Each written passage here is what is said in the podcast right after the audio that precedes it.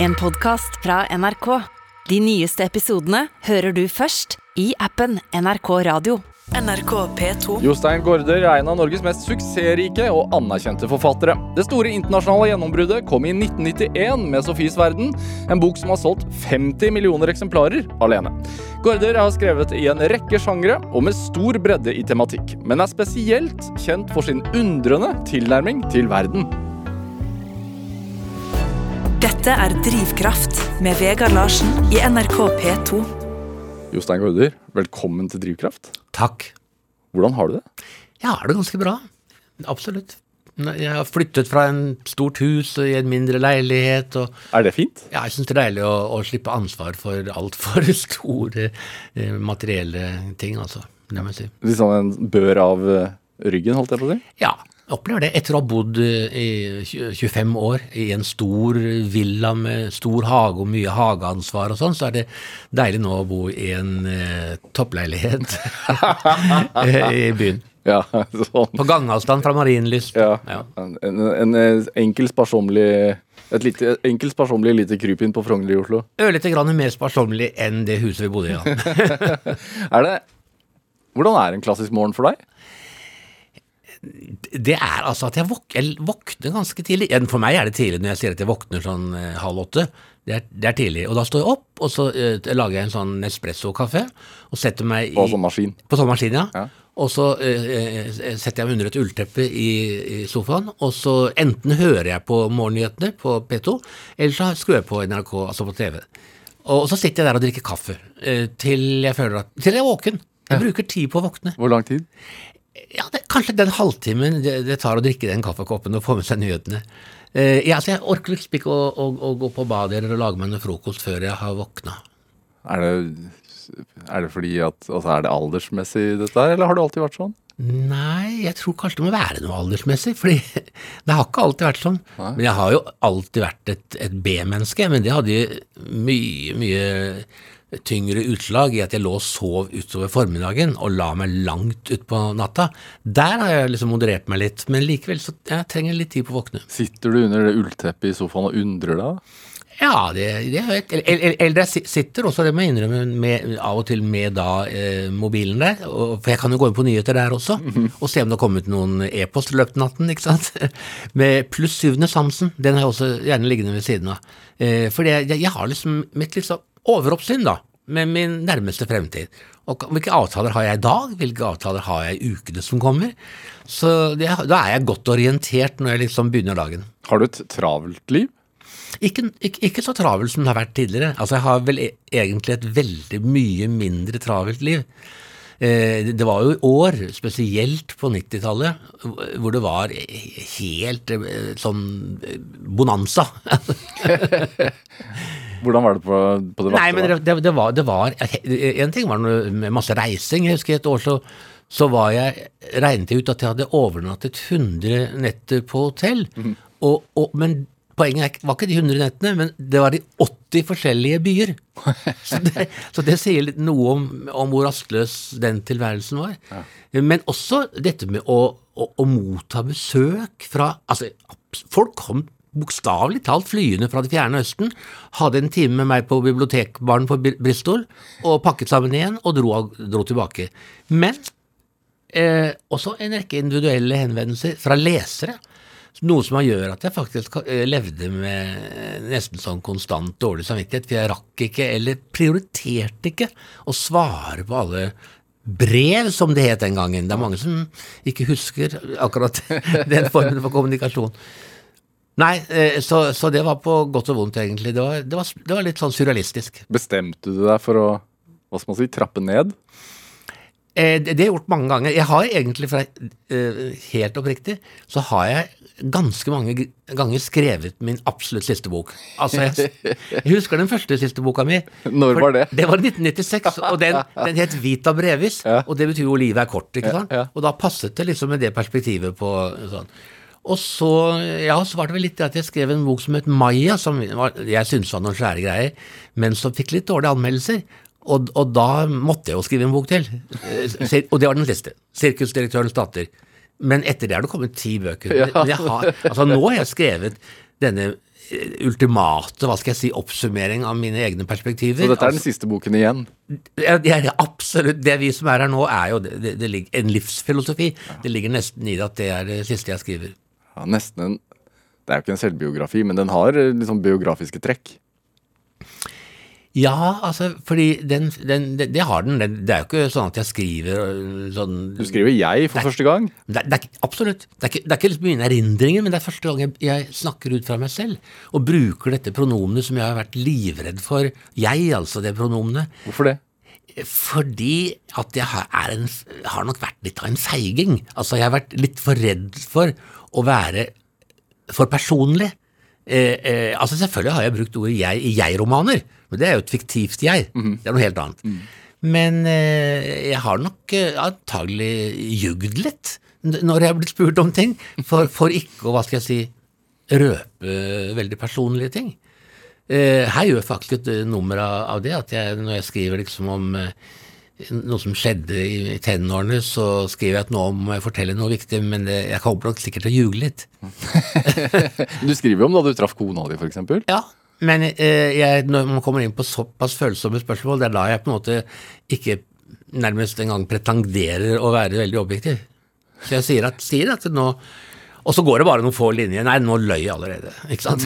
Fordi Jo da, det, det gjør det. Og det er jo i og for seg til, å være meg ganske ja, radikalt eh, annerledes. Hvorfor sitter du det så langt inne å være privat? det, det er eh, Vi er forskjellige. Der er jeg eh, Ja, nei, jeg, jeg, jeg har ikke så voldsomt sånt Sånn jeg-personlig behov, altså. Det, jeg har kanskje litt mer sånn fugleperspektivorientering i forhold til både mitt eget liv og for så vidt til den verden jeg lever i. Men hva, hva var grunnen til at du så deg nødt til å gjøre det nå, da? Jo fordi at eh, det, jeg skriver jo til mine barnebarn. Altså, det, Ja, det er, Boken er skrevet som i altså en slags brevform ja, til dine seks barnebarn. men Noen eh, som er tenåringer, og noen som er nyfødt. er nyfødt. Ja. Ja. Jo, og jeg understreker da at det er et åpent brev. Altså, jeg, du kan si jeg stiler fortellingen eller denne livsfilosofien til mine barnebarn. Men jeg, Du har skrevet i brevform før også. Hva sier du? Du har skrevet i brevform før også. Det har jeg gjort, men da har det vært til fiktive personer da også, ikke sant? Jo, men poenget er jo at eh, jeg skriver heller ikke til mine barnebarn som barn.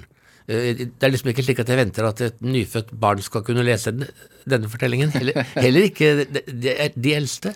Men jeg skriver til mine barnebarn når de blir like voksne som meg. Eller til mine barnebarn som voksne, og det vil jo si at jeg egentlig henvender meg til mennesker som skal leve her på vår planet eh, på slutten av dette århundret. For, og jeg, gjør et nummer av at det, det vesentlige for, de har til felles, disse seks barnebarna, er jo ikke at de har samme farfar. Det er, det er helt uten betydning. Men at de alle er født i det 21. århundret, og at de alle sannsynligvis vil leve gjennom hele dette århundret, og faktisk gløtte inn i det 22. århundret. Så jeg, jeg, jeg, jeg, stiller dem spørsmål. Altså, hvordan ser det ut i verden nå? Eh, og det, det er jo en rekke spørsmål de vil kunne svare på, og gi eksakte svar på. Hvor vi fortsatt holder på med sånne fremtidsscenarioer, ikke sant? Og sånne datamodeller av noe så ufattelig viktig som hvordan det står til på denne planeten når det gjelder biologisk mangfold, klima, matsikkerhet osv. Det er et innlegg i klimadebatten også, dette her. Ja, ja, absolutt. For jeg syns ikke Det går i hvert fall ikke an å, å, å, å, henvende seg til mennesker som skal leve på slutten av dette århundret uten å, være innom det spørsmålet. Nei, det, det, det er, dette er ikke noen Det er ikke min klimabok, men, men, men det er absolutt eh, med. Jeg har et kapittel som jeg kaller for geologisk tid, og det summerer opp mye naturvitenskap. Er det, er det også for å vise liksom at ja, farfar brydde seg, i hvert fall? Det tror jeg ikke jeg behøver å, å, å vise for dem ved å skrive en sånn bok, fordi de vet om mitt uh, engasjement i den forbindelse uansett, tror jeg. Men ja. Men jeg mener, du vet, det er som en sånn tidskapsel. Fordi å lese denne boken her kan jo komme til å være grotesk om, om 70-80 år. Ja, tror du det? Det vet jeg ikke. Hva er, det, hva er eventuelt det, Det- groteske? Ja, altså at de, de visste jo. De visste jo alt. Jeg mener, farfar eh, eh, skrev jo om dette. Eh, ikke sant? Men dette gjelder jo ikke bare meg og denne boka, det gjelder jo oss alle. Det gjelder dette møtet i Glasgow, ikke sant? Eh, hvor eh, sir Attenborough står der liksom sånn og innstendig Altså klimatoppmøtet i Glasgow ja, nå. Ja. klimatoppmøte. At liksom der, det er nå vi har vår ene sjanse. Og det livsalvoret, det må jo da politikerne ta konsekvensen av. Og det klarer de ikke, eller de klarer det. Hvor, hvor emosjonelt er det? For meg, Ja. for meg er det emosjonelt, fordi Eh, Kan jeg ta en liten omvei? Ja, selvfølgelig. Altså, denne, denne timen er din, Gaarder. Ok, men avbryt meg gjerne. Ja. Nei, altså, ikke sant. Helt til å begynne med boken så beskriver jeg en barndomsopplevelse eh, som sitter i kroppen, eh, hvor jeg opplevde liksom plutselig at jeg så verden helt for første gang, som, at, som et sånt eventyr. Trylleverden, kaller du det. trylleverden, kaller jeg det. Eh, og det sitter i kroppen, og, og, og har sittet der faktisk livet igjennom. Og så før du går videre, fortell om den opplevelsen. Ja, nei, altså, jeg, det var, jeg, jeg, jeg bare gjetta at det var en søndag, for det var barna var ute og lekte i gaten, og jeg hørte liksom eh, eh, fuglene synge omtrent som fløyter, eller, eller som lyden av glass. Hvor gammel var du? Da var jeg ikke bitte liten, jeg var kanskje sånn 10-11 år. Og, eh, men, men samtidig, i løpet av de få sekundene denne henrykkelsen varte, eh, så slo det meg samtidig at her er jeg bare gjest. Du kan godt kalle det en form for fremmedgjorthet. Men altså, jeg, jeg, her er jeg bare på besøk. Jeg har ikke noen fast adresse. Eh, li, livet er kort. Altså, livet er endelig. Og eh, på den annen side, noen få år senere, så var jeg ute i skogen og sov under åpen himmel. Jeg var litt sånn deppa, så jeg stakk av fra byen, da. Og så, og så husker jeg jeg opplevde at det, det, det, det krabbet noen så bitte, bitte små edderkopper og bladlus og sånne forskjellige ting rundt meg. Og det, det gikk liksom opp for meg, ikke intellektuelt, men mer sanselig, at jeg er natur. Jeg er ikke i verden. Jeg er verden, jeg er naturen, ikke bare i den. Og det var en mer harmonisk eh, liksom opplevelse av tilhørighet, og nesten det motsatte av den andre opplevelsen. Ja, hva lærte du av den innsikten? Det var kanskje første sporet til et svar på dette spørsmålet. Vi lever kort, men er det noe som kan forsone oss med at livet er endelig? Eh, er det noe som kan utligne det at plutselig en dag er vi ikke her mer? Eh, det har jeg brukt mye av livet mitt på å prøve å forsvare og, svare på. Og, og jeg mener at det, det, det, det, det resonnementet, det trekker jeg i denne boken her. Eh, Det er vi som er her nå. Fordi jeg gjør mer og mer felles sak med planeten jeg lever på. Altså, hvis, hvis, jeg, hvis jeg fikk vite at jeg skulle, dø i morgen, men til gjengjeld skulle denne planeten blomstre, og det skulle være menneskeheten skulle leve i eh, tusener av år, da ville jo jeg ikke nøle med å ønske at det siste skulle skje, og gjerne betale med det for at jeg selv ble borte. Jeg er jo ikke, Det har noe med identitet å gjøre. Det er ikke bare denne kroppen som sitter her. De- de- de- Den, den, den eh, skrotten er, er ikke noe håp for uansett, men, men det er ikke hele meg. Jeg er faktisk også eh, menneskeheten, og jeg har liksom en, fått en, en fødselsrett, en hjemstavnsrett, til å få være denne planeten og være menneskeheten også lenge etter at jeg er borte. Jeg tror ikke dette funker for alle, men for meg funker det faktisk som en eh, forsoningsdimensjon i forhold til dette jeg opplevde som barn, at her er jeg bare på et kort besøk. Har det vært en angst? En, En, en angst for det? absolutt i aller høyeste Siden du har brukt mye av livet på Ja, altså det, det, det har vært eh, en angst eh, og i sånn i slutten av tenårene, begynnelsen av 20-årene, jeg kaller det en klinisk, patologisk angst. Altså jeg mener, eh, ikke sunn, men Hvordan det, da? Hvordan artet det seg? Ja, det var, det var så sykt at jeg var redd for at jeg ikke våknet neste morgen. Altså, eh, eh, og- eller, ikke sant, jeg, jeg, jeg var hypokonder òg, da. Så du vet, jeg studerte på Blindern, og der var det sånt legekontor for studenter. Og jeg hadde funnet ut at liksom, jeg var litt annerledes på høyre side av eh, mageregionen enn på venstre side. Altså, Legen forklarte meg da at vi er jo ikke helt kongruente. altså sånne ting. Nei, men jeg mener, den, den sorgen, nei, den, den angsten, den er helt totalt erstattet av en sorg. Og det kom for mange, mange, mange, mange år siden. Jeg, jeg tror det gjelder mange mennesker at vi kan oppleve at det, vi syns det er trist. Jeg vil faktisk si det slik at det er trist vi ikke skal være her bestandig. Altså, jeg eh, liksom blitt spurt om det, hvis du kunne velge liksom å trykke på en knapp, så ville du leve i, i verden i all evighet, eller trykke på en annen knapp som ga deg en normal livslengde. Jeg ville jo ikke nøle med å trykke på den knappen som gjorde at jeg skulle være her i all evighet. Og, og det, det skal jeg forhåpentligvis også være, på en litt sånn indirekte måte, fordi jeg gjør mer og mer, det er en veldig deilig opplevelse, jeg gjør mer og mer en sånn felles sak med naturen jeg er en del av Hva, hva vil det si?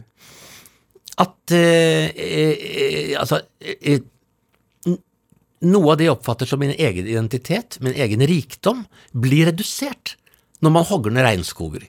Altså noe av meg blir mindre verdt eh, eh, når vi eh, ødelegger livsgrunnlaget på denne planeten.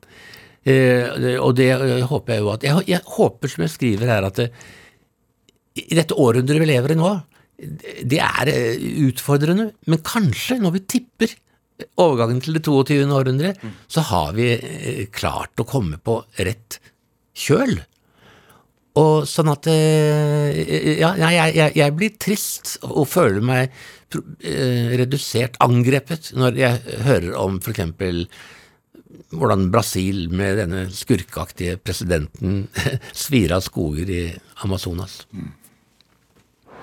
Dette er Drivkraft med Vegard Larsen i NRK P2. Og i dag er forfatter Jostein eh, Gaarder her hos meg i Drivkraft på NRK P2.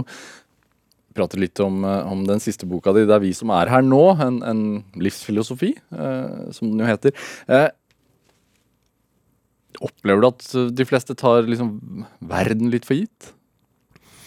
Ja, altså, det, eh, eh, det har jeg opplevd mange ganger. Synes det er veldig morsomt når jeg liksom har sagt at det, er, det- Jeg sa jo det som barn til mine foreldre og sånn. Er det ikke rart at vi lever? Ja. Og så ble jeg møtt med en sånn hoderysten. Var det etter denne opplevelsen? Ja, det var etter den. Ja. Og, og, og, så, jeg mener, det, ikke jeg ble møtt med forståelse eh, for det. Så jeg bare synd, syns dere verden er bare helt normal, dere, da? Og, og, ja, men det er den, da. Og du skal kanskje ikke gå rundt og tenke for mye på sånt, Jostein. Altså, omtrent sånn at hvis liksom jeg tenkte for mye på at verden ikke var normal, så ville jeg bli gæren selv. Eh, nei, men Det har jeg opplevd mange ganger, at jeg har eh, sittet en kveldstime og snakket med venner og sagt det er jo helt vanvittig altså at vi mm, lever med en sånn kosmisk bevissthet helt tilbake til Big Bang, ikke sant? Eh, ja, jammen sant. Ja, det, det har du rett i, Jostein. Det har jeg, aldri tenkt på. Altså, min Og det ble du sjokkert over? Altså, eller, eller underholdt av det også. Jeg synes Det er litt sånn komisk. Det er jo litt komisk. Altså, jeg tror det, det, er, det er mulig jeg husker feil nå, men jeg mener det står et uh, sted i Gamle testamentet at Gud sitter i himmelen og ler av at menneskene ikke tror på ham. Ikke sant? Jeg, jeg syns det er noe humoristisk over å være i denne verden uten å nesten bli lamslått av under. Ikke sant? Så, men jeg har nok en altså, vel, Noen mennesker har en kjempe mye bedre luktesans enn andre. ikke sant? Noen hører veldig godt. Jeg har begynt å høre litt dårlig. Men, men altså, jeg har nok en sånn litt forsterket, nesten abnorm opplevelse av eh, gåte, rett og slett. Eh, Så Hva vil det si? bare det at jeg fortsetter å, å si det jeg sier nå, ikke sant? Det, det, det røper jo nesten en slags monomani. fordi fordi, fordi ja, jeg, så jeg eh, syns fortsatt, som jeg gjorde da jeg hadde denne barndomsopplevelsen, at det er veldig rart at det finnes en verden. Og så stiller jeg Altså, jeg går veldig mye turer. Kveldsturer. Har gått mye sånn Hvor går du? ja, jeg går, jeg, jeg, det, når jeg er, lever godt, så går jeg lange turer i skogen og, og tenker. Og, og det, jeg tenker på, det er jo, det er jo selvfølgelig primalspørsmålet, Big Bang. Altså, hva, hva var det? Hva var det som smalt? Ikke sant? Eh, Og så tenker jeg på dette, dette at jeg går her i skogen med en bevissthet om, om alt dette. Og så spør jeg meg selv, Eh, kan det, mon tro, være noen sammenheng mellom de to store gåtene for menneskeheten, altså hva var Big Bang, og dette med bevissthetens gåte, at vi har en bevissthet om hele dette universet? Så jeg spør meg om, er dette eh, eh, er det noen sammenheng mellom de to store gåtene? Og så må jeg som, som vitenskapelig orientert person minne meg selv på at det har vi ingen grunn til å tro. Men på den annen side, vi kan ikke utelukke det heller. Så altså, vi, Jeg skrev en gang at ikke sant, med dette vi erindrer av dette universets historie, så skriver jeg at sto, applausen for det store smellet kom først 15 milliarder år etter at det smalt. Men spør jeg eh, naturvitenskapsfolk, som jeg er stadig i dialog med, mm -hmm. eh, eller sier jeg at det, dette universet har våknet til bevissthet om seg selv, mm. da blir det liksom litt sånn, de blir litt urolige. Fordi de, de, for de er redd for at jeg mener at det, liksom, det lå i kortene, at det var meningen. ikke sant? Hva, hva syns uh, forskerne, altså naturviterne, om, om Nei, det, spørsmålene dine og, og tankene dine? Altså, de, jeg, jeg, jeg, leser jo nesten ikke humanistiske ting. Altså, Jeg leser ikke romaner engang. Men jeg le, følger virkelig med, det har jeg gjort i, i, 50 år. Følger med på den naturvitenskapelige utviklingen. Eh, og jeg mener at det, det, det, spørsmålet mitt er relevant også innenfor naturvitenskapelig sammenheng. Det, det, er ikke, det er jo ikke sikkert at det finnes noen andre intelligente vesener i dette universet enn oss, men like fullt så er det i hvert fall vi. Eh, eh, uttrykk for at dette universet på en måte har våknet til en bevissthet om seg selv. Mm. Og det blir ikke mindre imponerende og tankevekkende om det så bare skulle være oss. Den der følelsen du hadde da du lå i den engen, eller mm. Eh, mm. Og, og, og, og, slo opp øynene dine og tenkte at oi, dette er en trylleverden. Får du den fremdeles? En alder av 69? Eh, absolutt. Absolutt. Det, det, det gjør jeg. Altså jeg, jeg husker jeg, jeg, de voksne bare ristet på hodet og, og, sa at verden var helt normal. Da bestemte jeg meg i grunnen for aldri å bli voksen. Altså aldri å bli en som tar verden for gitt. Ikke sant? Mm. Eh, sånn, så, og, og, og, det tror jeg påstår at jeg absolutt ikke gjør, altså. Er det, er det også en grunn til at du i forfatterskapet ditt ofte har henvendt deg til unge? Det kan hende. Det kan hende. Fordi at eh, eh de er jo mindre blaserte. Altså, du, du Eh, ja, er, jeg tror kanskje at mange barn og unge er mer vare for, for hva skal jeg si, dette underet vi er en del av. Kanskje er det en slags forklaring på hvorfor de godtar eventyr der dyr snakker og tenker osv. Fordi, jeg mener, veldig, vi har jo lært å sortere fenomenene i verden. Eh, og vi vet hva som går an, og hva som ikke går an. Mm. Men, men eh, for, for, verden, for, barn så er jo verden så ny at de jo eh, eh, syns at de mest alminnelige ting er helt mirakuløse. Så Er det sånn for deg? Eh, altså, det er klart, jeg blir jo også jeg, altså, Ting gjentar seg også for meg. Jeg blir også på en måte plassert. Men den grunnleggende livsfølelsen, mm. som jeg kan eventuelt redegjøre for, enten intellektuelt eller i poetiske vendinger, det, den er den samme. Altså, og den, den, den, kan jeg spore tilbake til den gangen jeg som Ja, jeg hadde det, var det, opplevde en slags form for henrykkelse. Det varte bare en kort stund. Så falt tingene litt på plass. Men det jeg hadde opplevd, det hadde jeg med meg ut av den opplevelsen. Så det er en slags sånn mening med livet-oppskrift du har slått deg til ro med, eller er det Nei, jeg føler jo ikke at jeg har funnet noen mening med livet. Jeg, der er, eh, mener jeg som disse eksistensialistiske filosofene, altså hele heller snakke om mening i livet. Og jeg syns jo at det er jo knyttet noen mening til at vi ikke skal leve evig. Bortsett fra at eh, selvfølgelig vi gir jo da plass til, til flere, og, og da blir det jo liksom ikke bare syv milliarder mennesker som får være med på dette her, men utallige milliarder mennesker. Hva, hva, har vært mening i ditt liv?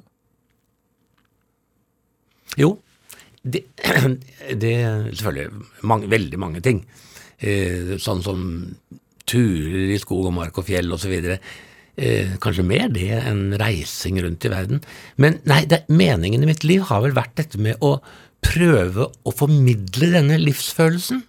Fordi jeg føler ikke at den er universell.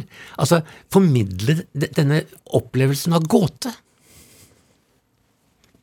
Det tror jeg kanskje eh, er noe av det som har vært sentralt som meningen i mitt liv. Mm. Oppfordre folk til å stille spørsmål? Ja, eller stille spørsmål selv. som, som Jeg skrev faktisk en, en barnebok, en bildebok, med nydelige illustrasjoner av Aken Dusaken, som bare heter Det spørs. Mm. Og det er de store spørsmålene, altså. Eh, fordi eh, et eh, Altså, Jeg har skrevet en annen bok òg, som heter 'Hallo, er det noen der?' Og da er det en, en, et barn fra en annen planet som og, forteller at der, når de stiller et spørsmål, så bukker folk. De bukker for spørsmålet. De, de bukker ikke for et svar. Det er jo det vi ofte gjør. Mm. Bukker for diktatorer, til og med.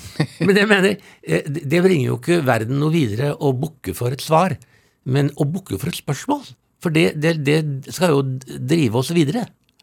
Ja. Så, så, eh, spørsmål mener jeg Det er det som er filosofi, er det ikke det? Jo, det er, det er jo spørsmål mer enn svarene. Ja. Og du vet, mange av de fundamentale filosofiske spørsmålene, som for eksempel hva er liv? Hva, hva, hva, hva består levende liv av? hvor kommer verden fra? Også alt dette her. Eller hva er himmellegemene? Altså Mange av de eh, spørsmålene har jo blitt tatt ut av filosofien, mm. og svarene er gitt av naturvitenskapen.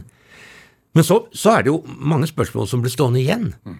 For eksempel hva er det gode liv? Hva er kjærlighet? Hva er rettferdighet? Hva, hva er vennskap? Ikke sant? Hva, eh, det, det, er jo spørsmål som Hva er drivkraft, for eksempel? Hva er drivkraft? Ikke sant? Det er jo et spørsmål som du har stilt noen ganger. er det Er det noen filosofer du ser deg selv i? Hm. Du har skrevet, en, skrevet om noen? Ja, absolutt. Eh, og det er jo det, det, er jo i Sofies verden, som altså da vi sa er 30 år gammel, mm. da er jo det liksom en litt sånn akademisk sånn formidling av filosofihistorien. Mm. Eh, ordet filosofi Filosof betyr jo to ting. Det ene er en ekspert på filosofi, en, en, en, en sånn lærer, en filosofilærer. Men vi bruker jo også ordet filosof om han eller hun er eh, en stor filosof, ikke sant? En som går og reflekterer over mye. Så, eh, men når det gjelder den, den, den, eh, den historiske filosofihistorien mm. jeg, jeg, jeg, jeg, fikk jo behov for å skrive en egen livsfilosofi til slutt, da. Og der er det jo ikke jeg som formidler andre filosofer. Men nei, altså Jeg, jeg nevnte eksistensialistene. Det er klart at jeg, jeg syns jo at Sartre og, og forfattere som Camus osv., Kirkegård og sånn, utfordrer meg. Mm. Men det er klart, med mitt forhold til naturen, så, eh, så er det klart at Spinoza er vel den eh, e-, Eller tyske eh, romantiske filosofer som Schelling, for eksempel. Fordi ja, jeg er nok på en måte også litt sånn religiøst anlagt. Altså at jeg, når jeg opp, bruker ordet natur, da sier jo Spinoza naturen eller Gud. altså For det er synonymer for ham. Mm. Men jeg, jeg, jeg kan oppleve ikke at naturen er død. Jeg opplever at den har en appell til meg som nesten kan gi meg en religiøs uh, erkjennelse, opplevelse. Ja. Er du religiøs? Ja, i den forstand. Ja. Eh, eh men, men, jeg så er jeg eh, kristen i den forstand at jeg er medlem av kirken, at jeg ikke har behov for noen annen morallære enn den jeg møter hos Jesus og i bergprekenen. Men jeg har ikke det jeg vil kalle noen åpenbaringstro. Altså, jeg tror ikke at eh, overnaturlige vesener eller guddommelige krefter har liksom åpenbart seg, vist seg for noe menneske. Og, og, grunnen er kanskje den aller enkleste, nemlig at slike vesener ikke finnes. Jeg sier ikke at dette er noe jeg vet, men det er noe jeg Jeg tror ikke at Gud eh, ga noen steintavler til Moses på Sinai-fjellet. Det tror jeg ikke det er så mange kristne som tror heller. Og jeg tror vel kanskje heller ikke på på oppstandelsen, verken for meg selv eller for andre. Nei. Men du skriver jo nærmest som en Hva skal man si? Planetene sto i perfekt linje da du traff kona di. Det var, det var ikke tilfeldig det, nesten, skriver du. Altså, det var nærmest ja, jeg, jeg, forutbestemt? Nei, jeg tror ikke på noen sånn, nei, denne forbindelse på noen styrelse. Nei, det var, det var mer en, en sånn uh, umiddelbar erkjennelse. Det, det, som var så uh, sprøtt ved det, mm. det var jo det at Eh, vi var sånn 16-17 år gamle første gang jeg så henne, og så tenkte jeg umiddelbart at dette er kvinnen i mitt liv. Altså Det er jo en nesten pervers tanke. En bisarr forestilling. Fordi denne kvinnen i mitt liv var altså en, en 16-17 år gammel jente. Eh, men det sier noe om hvor irrasjonelle vi er. Men man, det hender jo at eh, man kan liksom foregripe en erkjennelse ved å å- gjøre en sånn jump to conclusion, ikke sant? Jeg, det, jeg, historien kunne jo like gjerne vært eh, en anekdote om en sånn forestilling jeg hadde til en jente jeg aldri traff igjen, ikke sant? Er det? Du, du nevner noen filosofer her, men hva, hva med kunstnerne? Hvor viktig har f.eks. Uh, Charlie Chaplin vært for, for eh, din undring? Veldig viktig. Jeg husker altså, mitt aller første møte med Chaplin, bortsett fra disse her klassiske stumfilmene som vi så på skolen på sånne dårlige filmfremviser, ikke sant. Så var, det var, det, var det altså rampelys, eller limelight, som jeg selvfølgelig ikke har tatt som en tilfeldighet at ble eh, laget i 1952, på mitt, i mitt eget fødselsår. Men jeg, jeg så den ikke, ikke så tidlig, men ti år senere kanskje.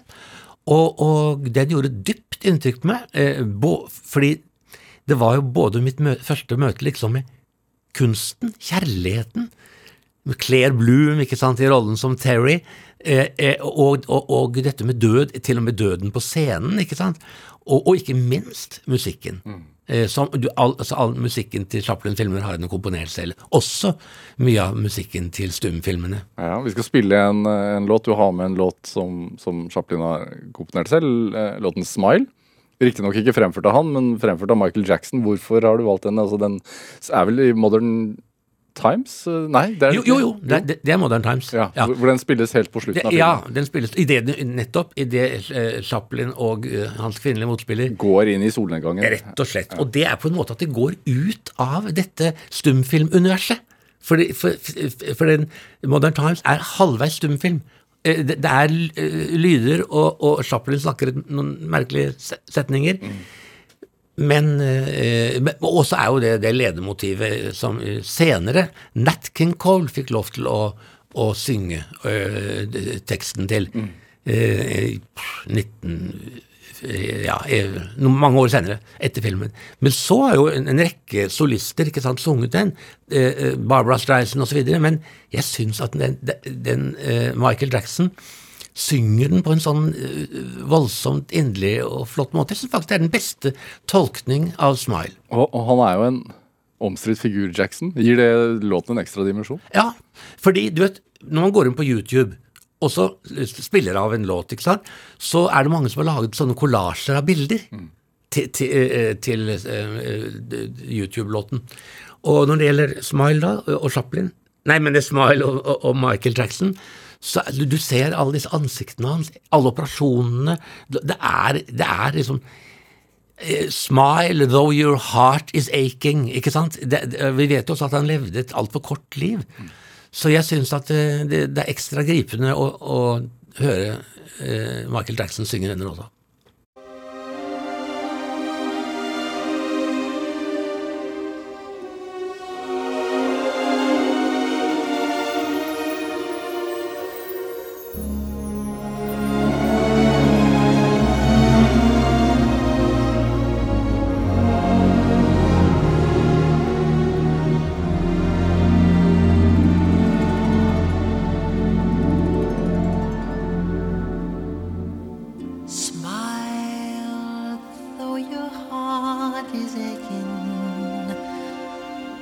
Smile, even though it's breaking. When there are clouds in the sky, you'll get by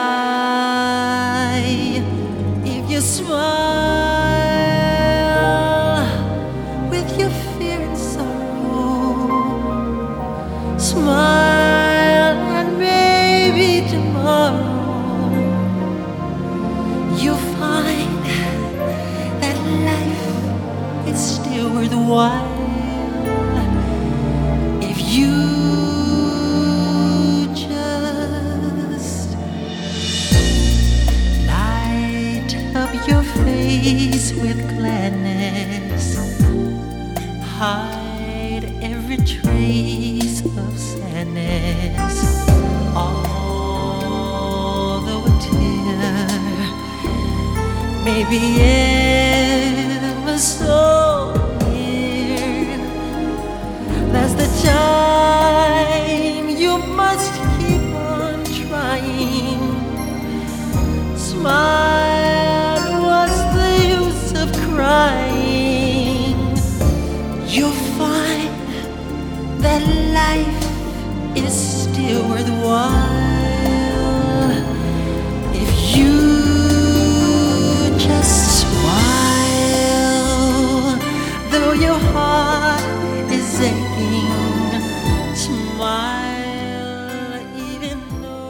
Ja, du fikk en smakebit av eh, Charlie Chaplins 'Smile', her eh, sunget av Michael Jackson, her i Drivkraft på NRK P2, valgt av dagens gjest, nemlig forfatter Jostein Gaarder.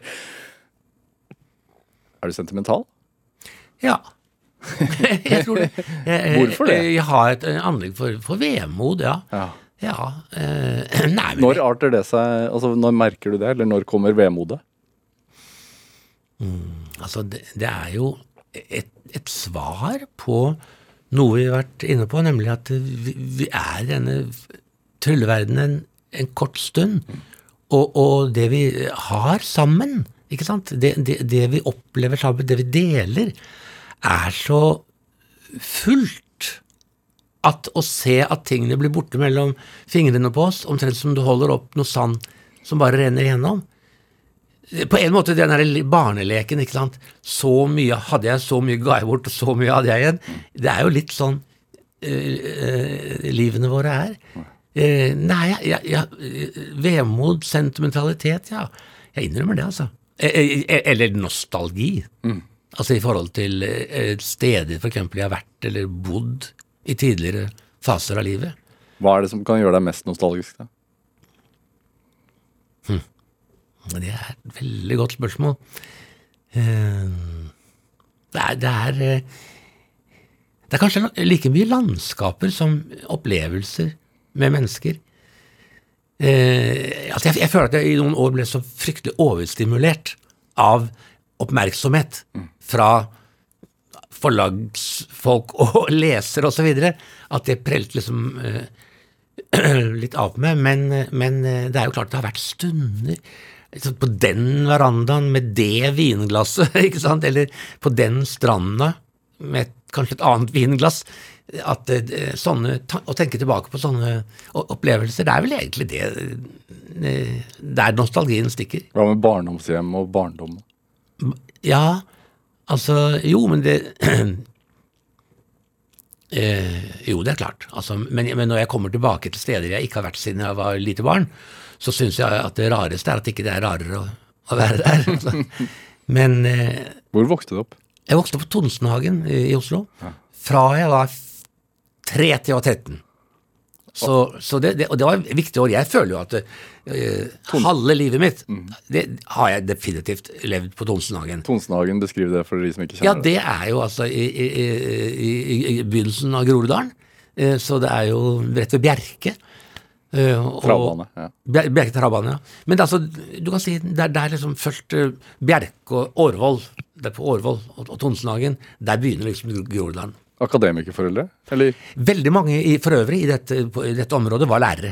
Eh, f- eh, det- det- og det var sånn Ungdommens selvbyggelag osv. Det var en litt spesiell Vi flyttet jo inn i en flunkende ny eh, bydel. Altså, og eh, det var et jeg, Kanskje det er nå jeg er nostalgisk. Jeg opplever det som en eventyrlig oppvekst. Altså å bo der i, eh, ved eh, inngangen til Lillomarka, og, og, og hvor vi, ja, den, den gode siden ved sosialdemokratiet, det var jo før det ble så enormt store klasseskiller. Altså, vi, vi, vi, levde jo en, på en tid hvor en hel rekke ting som i dag vi diskuterer om vi har råd til, hadde vi. Skolefrokost, ikke sant? Og, og, og øh, jeg mener, En gang hadde man, hvis man går lenger tilbake, da, råd til å bygge Bergensbanen. Det, men altså, man ville ha den togforbindelsen, og det er en rekke sånne ting. Vi hadde bygde oss en skihopp overalt. Eh, og, og, og det kom da faktisk kommunale folk og sprøytet fotballbanen så det ble skøytebane. Eh, eh, Så det var skøyteis. Det var jo aldri noen foreldre med der. Altså, vi, Man gikk ut på Løkka og spilte fotball. Ikke sant? Det er jo blitt en sånn banalitet å minne om. Men de, de, den der, er det mye nostalgi å hente ut. Altså, fordi vi, det ble jo mørkt om vinteren på disse skøytebanene. Og le, eh, sånne prepubertale eh, eh, forelskelser var jo, var jo ikke så uvanlig. Jeg husker jeg byttet eh, mine hockeyskøyter med sånne danseskøyter med en av jentene i klassen. Og det følte jeg som en helt eventyrlig opplevelse. Altså. Også fordi jeg helt umiddelbart klarte å gjøre sånne piruetter. Ja, ble hun imponert da, da? Jeg tror det, men, men jeg, jeg tror at jeg danset for alle som var på banen da. Ja. Var du tidlig glad i oppmerksomhet? Eh, altså, det, er et, det er et veldig godt spørsmål, fordi det kan deles veldig i to. Da jeg var eh, i, i barnehagen, altså, og de gikk i barnehagen til vi ble syv år, ikke sant? Da var jeg asosial. Altså, fryktelig, fryktelig altså, Så mye at eh, barnehagepersonalet måtte innkalle foreldrene til foreldremøter. For jeg, jeg, jeg deltok ikke i leken. Altså, det er ikke det at jeg ikke hadde noe problem med det, men jeg syntes det var mye morsommere å se på at barna lekte, enn at jeg skulle være med på å leke selv. Lærte du tidlig å lese? Eh, ikke tidligere enn en, en annen, eh, annet. Men når jeg, et, opp i skolealder så ble jeg nok mer en urokråke. Hvorfor det? Nei, jeg mener, da, da, da, da syns da, det, det var sånn det var. Da eh, liksom eh, eh, jeg, jeg gikk jo på Årvoll skole, og jeg ble, var såpass urolig i timene at jeg av og til ble kasta på gangen. Eh, og det var liksom en dobbel straff for meg, fordi min mor var lærer på samme skole. Så hun kunne når som helst komme gående i gangen. Så det, det husker jeg veldig godt. Så, så den der liksom tilbaketrukkenheten som jeg hadde i barnehagen, den forsvant ganske fort. Er du fremdeles urokråke? Jeg syns jeg har vært litt urokråke. Ja. Når? når, når? Nei, jeg mener eh, eh, jeg, jeg, jeg har da Ja, altså, jeg har jo vært med i noen avisdebatter, blant annet. Så eh, jeg, har ikke og, og ikke minst eh, også når det gjelder dette med eh, med klima og miljø, som jeg har et veldig engasjert forhold til. Det har også liksom gjort at jeg har gått ut f.eks. i Aftenposten og skrevet en del kronikker osv. Så du, du, er ikke, du er ikke redd for å si ifra hvis du, hvis du føler at du må? Nei, Det er et veldig godt, øh, veldig godt uttrykt, for det er jo nettopp det at man gjør det når man føler at man må. Ikke sant? Så det er jo en sånn et etisk, moralsk imperativ, liksom, når man gjør det. For jeg, jeg liker Altså, jeg blir du jo stadig spurt om å stille meg på sånne opprop, vet du. Og det hater jeg, for dette. jeg for jeg liker ikke å si nei. Og jeg vet at man skal være forsiktig med å stå på for mange opprop. Det, det kan fort gå inflasjon i. Eh, så jeg er ikke noe glad for å bli spurt om det, men jeg pleier å svare ja. Ja, og det er jo kanskje derfor også du stadig vekk skriver din siste bok, og så bare må du. Ja, altså, det er, det er veldig pussig det der, for jeg, jeg Men jeg må si det er en, en, positiv opplevelse jeg har hatt i mange år. Når jeg får det spørsmålet obligatoriske 'Skriver du på noe, Jostein?' Ikke sant? Sånn. Eh, så, så sier jeg nei, akkurat jeg er ikke i gang med noe nytt. E- Egentlig føler jeg at jeg har liksom fått uttrykke det jeg hadde med meg, ut av liksom barndom og tenår og sånn. Så jeg har ikke noe veldig sånn sterkt uttrykksbehov lenger. Og det er litt sant. Så har allikevel liksom eh, kom, kommet ting opp som jeg har da skrevet, men jeg mener at det er en grunnfølelse. Jeg, eh, jeg behøver ikke nødvendigvis å skrive så mange flere nye bøker. Jeg har ikke så veldig mye mer å si. Nei. Og du trenger jo ikke det heller for å overleve, tenker jeg. Du har til smør på brød. Ja, og, og pålegg òg. Hvordan var det? Altså sånn Vi har, så vidt, altså vi har snakket litt om, om Sofies verden, men også Kabalmysteriet som kom året før, var jo også en gedigen suksess. Eh, hvordan oppleves det å selge 50 millioner bøker? Sånn i løpet av en ja, Hvor mange år var det? Nei, det skjedde jo veldig fort. ja, altså, det verdens det- mest solgte bok i 95, den kom ut i 91. Ja, det er helt sant. Det var, det var, så nei, det, det var jo helt sprøtt, helt surrealistisk. Men det var noe bra, bra ved det. Det var så monstrøst at jeg aldri tok det inn i hodet mitt. Altså Jeg betraktet det som et fenomen som, som var ut, noe utenfor meg. Det var jo et fenomen, fenomen også for forleggere, for, øh, ikke sant? Øh, Og, og, men jeg, jeg, altså jeg har jeg, heldigvis ikke, det tør med hånden på hjertet, ikke hatt anlegg for å bli høy på pæra. Eh, og hadde jeg hatt et anlegg for det, så kunne jeg ha angret på veldig mye jeg hadde sagt, ikke sant, skjønner du? Men, det, men jeg angrer ikke på noe jeg har sagt i den forbindelse. Jeg har egentlig der hatt eh, Det, det er akkurat som det skjer noe veldig underlig og sprøtt rundt det, som selvfølgelig henger sammen med mitt liv, men som ikke, ikke er noe som handler om meg. Eh, så jeg, jeg, jeg eh, Altså, selvhøytidelighet eller jåleri har jeg, har jeg ikke noe eh, anlegg for, men jeg elsker å være sammen med selvhøytidelige mennesker. Men hender det at du Ja, hvorfor det? Jo, fordi de setter jo i gang et helt show. Ja, og de forteller masse morsomme historier altså om seg selv. ikke sant? Og, og, og, og jeg syns det er gøy. Det er jo skuespill, altså. Jeg syns det er morsomt å se på haner også som flotter seg. ikke sant? En hønsegård. Ja, det syns jeg er Men morsomt. når, men, men når du har middagsselskap hjemme, er du Tar du ordet ofte da, eller? Altfor ofte. Ja. Nei, altså det, det Jeg er en person som med god grunn må minnes om å kanskje ta det litt kul og slippe andre til. Ja. Hvorfor er det et problem? Kanskje fordi jeg er så ivrig. Men jeg mener, det går jo an å, å, å, å øh, snu på det å være ivrig etter å høre hva den andre eh, tenker, ikke sant? Så, så snakker jeg kanskje litt fort. Det, min, min- kone sa til meg en gang at det, hun gir meg litt sånne råd, så hun sa det at det, eh, kan du ikke i hvert fall late som om du må tenke deg om før du svarer? Men det går kjapt. Ja, men jeg mener, hvis jeg bare liksom husker på det, at jeg kan jo late som om jeg nå må tenke meg om, eh, da virker man jo litt sånn reflektert der og da. Men du trenger egentlig ikke. Jeg syns for så vidt å, å snakke sammen sånn som vi gjør nå, det føler jeg at det er eh, eh, liksom det, er- det er ikke rigget. Det, jeg føler at det er en samtale, og jeg hadde ingen anelse om hva vi skulle snakke om før vi satte oss ned der. Men det å bli høy på pæra er én ting, men, men er du stolt over øh, det som etter hvert nå blir jo et livsverk? jeg kan, på ett punkt. Det, det, skal, det skal jeg ærlig innrømme. Aha. Fordi jeg har jo altså da en hel vegg med, med mine egne bøker. Bare dine bøker? Ja, på 65 språk. Ja, og, og, Ja. og det er, Hvor er den veggen? Ja, den er, det, det, det måtte vi jo flytte fra det huset vi flyttet fra til det vi flyttet til. Ja. Nei, men det, den er, vi, vi kaller det biblioteket. Ja. Og, og, og det er 1000 forskjellige utgaver av mine egne bøker. Altså 1000 helt forskjellige bøker. For det er jo ikke bare snakk om disse titlene, i så som om Det er jo 14 engelske utgaver av Sofies verden, og kanskje 8 av Kabalmysteriet. ikke sant? Og sånn kan du ta det språk for språk. Jeg innrømmer at jeg noen ganger kan liksom gå forbi den bokhyllen med et glass vin en sen kveldstime og rett og slett føle meg litt stolt. Ja, innrømmer det. Ja. Men jeg, jeg er eh, mer stolt over, over den bokhylla enn jeg er over priser jeg har fått, f.eks. Hva tenker du når du går og ser på den, da? Nei, for å være helt ærlig, nå, det er ingen grunn til å ljuge nå. Eh, Jeg, jeg, jeg, jeg, tenker da at nei, det, dette har jeg, faktisk altså eh, fått til.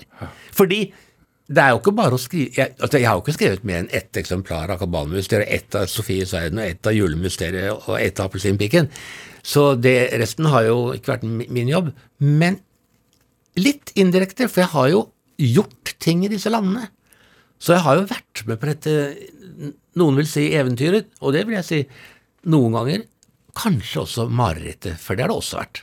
Altså, ja, jeg mener, det har vært sånn at jeg liksom, jeg har sittet noen ganger og felt en tåre på et fly, eller et tog, fordi at jeg liksom må, måtte ut igjen. Og det som da dreiv meg litt, det var det at det, som mange sa også, at jeg er liksom en slags sånn kulturambassadør. Jeg, jeg, reiste jo til land der det aldri var utgitt noen norsk bok. Og, og, og, og da kunne liksom snakke ikke bare om norsk litteratur, men om norsk bokbransje og ting vi har fått til her i Norge, som eh, riktignok forvitrer, eh, men dette med at det skal være et assortiment av alle bøker i alle bo bokhandler osv. osv. Men var det Altså når du sitter på et fly og, og blir blå, da, holdt jeg på å si, Ja. og feller en tåre, hva er det fordi at Altså hva går det på bekostning av? Eh, Ja, det er av, av eh, eh, hverdag. Rett og slett hverdag. Eh, så eh, det, Ja. Eh, Og, og, de jeg har levd sammen med. Altså, eller familien min, da. Ikke sant? Men, men eh, aller mest bare dette med det kjøret. Mm. Det, det kan være morsomt òg. Jeg, jeg kan eh, også synes det er gøy å være gira, men, men, men det har to sider. Hvorfor streber man sånn etter det? Hvorfor strever vi etter eh, å liksom eh, være up in the air, er det det du mener? Ja. Ja, det er noe dypt menneskelig, altså. Altså, vi, vi, vi, vi vil eh, liksom eh, gjøre viktige ting og, og, og vise verden hva vi er opptatt av. Vil vise, kan, vil vise at man kan en piruett med Ja, ja der, der traff du en, en, en tråd. Ja. Jeg vil ikke si at den opplevelsen jeg hadde da jeg lånte eh, eh, eh, kunstskøytene til Gunn Solveig Sønsteby, jeg har ikke møtt henne siden vi var tolv år. Eh, den opplevelsen eh, av å da vise meg fram på skøytebanen, den er ikke vesensforskjellig fra hvordan det har vært noen ganger å kunne stå i en stor eh, konsertsal og snakke til 5000 mennesker. For det har jeg også gjort. Og jeg syns ikke det er noe vanskeligere å snakke til 5000 mennesker enn til fem. Eller kanskje nesten omvendt. Er det Hvordan forandrer man seg som menneske når man blir rik? Eh, Det her også jeg tror jeg det er veldig forskjellig, altså. Jeg, jeg, altså. jeg har sagt i masse intervjuer at det, det er klart, dette som skjedde med mine bøker om Sofies verden, det er klart det forandret livet mitt, men det forandret ikke meg. Ikke sant? Og det mener jeg for så vidt også i forhold til det med penger. Men det er det der med at penger er til bekymring for fattig og for rik. Eh, og, og, og, og en måte vi har eh, Hva skal jeg si for noe? eh, eh, taklet det på, er at vi også har faktisk gitt bort veldig mye penger. Og det er jo en luksus å være i stand til å gjøre det. Gjennom et fond? ja. Eller gjennom Og vi, den og vi lider jo Ja, det, men, men også andre ting. Og jeg vil ikke sitte her og ramse opp hva vi gir penger til. Men eh, Er det viktig? eh, Å gi bort? Ja. Ja, det er, ja vi, det, altså Man trenger jo ikke mer enn nok. Ikke sant? Der, der, jeg skjønner ikke, jeg begriper ikke disse milliardærene som altså da eh, At ikke de bare liksom legger inn årene og gjør noe, drar på fisketur eller et eller annet. Jeg, jeg skjønner ikke, altså. Når- når man har eh, veldig, veldig god råd, så eh, Men på den annen side, jeg har jo ikke da i samme grad kunnet glede meg over å få et honorar her og der. Fordi jeg har jo vært godt forsørget. Drar du, drar du på fisketur? Jeg har vært på fisketur som barn. ja, jeg jeg, jeg, jeg, Altså, det er det jeg, jeg, Nei, det, det er ikke meg. Nei. Hva er, en god, hva er liksom det, gode livet for deg da, om dagen? Altså, om, om dagen hvis, hvis, hvis det er én ting som jeg vil si at liksom er det forbinder med det, det ypperste av hva som er et godt liv, så er det å gå turer i fjellet. Men derfor syns jeg også jeg gjør det altfor lite. Hva skjer der, da?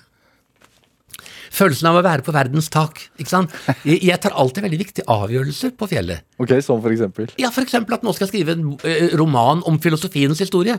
Det er jo en så sprø eh, idé, ikke sant? At, at du skal liksom være litt opp fra dalsøkkene for å komme på noe sånt. Og så lover jeg meg selv at innen jeg, eh, jeg kommer tilbake igjen hit, så skal det være gjort. Og det har jeg faktisk holdt en god del. Ja, Så du er strukturert? I, I forhold til hvordan jeg disponerer et år, har jeg vært eh, det. Ja. altså at jeg har Jeg, jeg, jeg syns det var så gøy med all oppmerksomheten jeg fikk for eh, Kabalmysteriet, eh, og at den ble så lest og, og, og sånn, at jeg tenkte at nå skal, jeg skrive, nå skal jeg slutte som filosofilærer. Skal jeg isteden bare skrive en filosofibok? Og, og så kan jeg fortsette å være forfatter på heltid. Og, og, og det gjorde jeg. Hoppe? Hva sa du? Ja, å hoppe. Hoppe, ja. Ja. Er det så, sånn som du sa innledningsvis her, altså at eh, livet er som et lite eventyr, holdt jeg på å si. Altså at, men man veit jo aldri hvor lenge man, man er her. Og du, du har jo skrevet flere bøker som består av dine tanker. Hva, hva tenker du er liksom Hvilken tanke vil du bli husket for, holdt jeg på å si? Eh, ja, det er kanskje to tanker, da. Det er dette eh, eh, underet knyttet til at vi lever. ikke sant? Dette ufattelige i at vi er her i denne gåtefulle verden. Men på den annen side så er det også tanken på dette ansvaret vi har for rett og slett å holde liv i denne, og bevare livsgrunnlaget på denne planeten, som har gitt oss ikke bare eh, eh, disse eh, tankene, ikke sant, men, men som har gitt oss kulturen. Jeg mener, eh, altså Kanskje er vi mennesker de eneste universelle vesener i universet som har en kosmisk bevissthet. Da er det ikke bare et globalt ansvar å bevare livet på denne planeten, det er et kosmisk ansvar. Å bevare for den saks skyld menneskets bevissthet. Siden boken er skrevet til barnebarna dine, hva, hva, hva svarer du de når de stiller deg store spørsmål? Mm, nå er jo, har jo jeg henvendt meg til dem, slik at Jo, men- i og for seg den samtalen får vi kanskje aldri.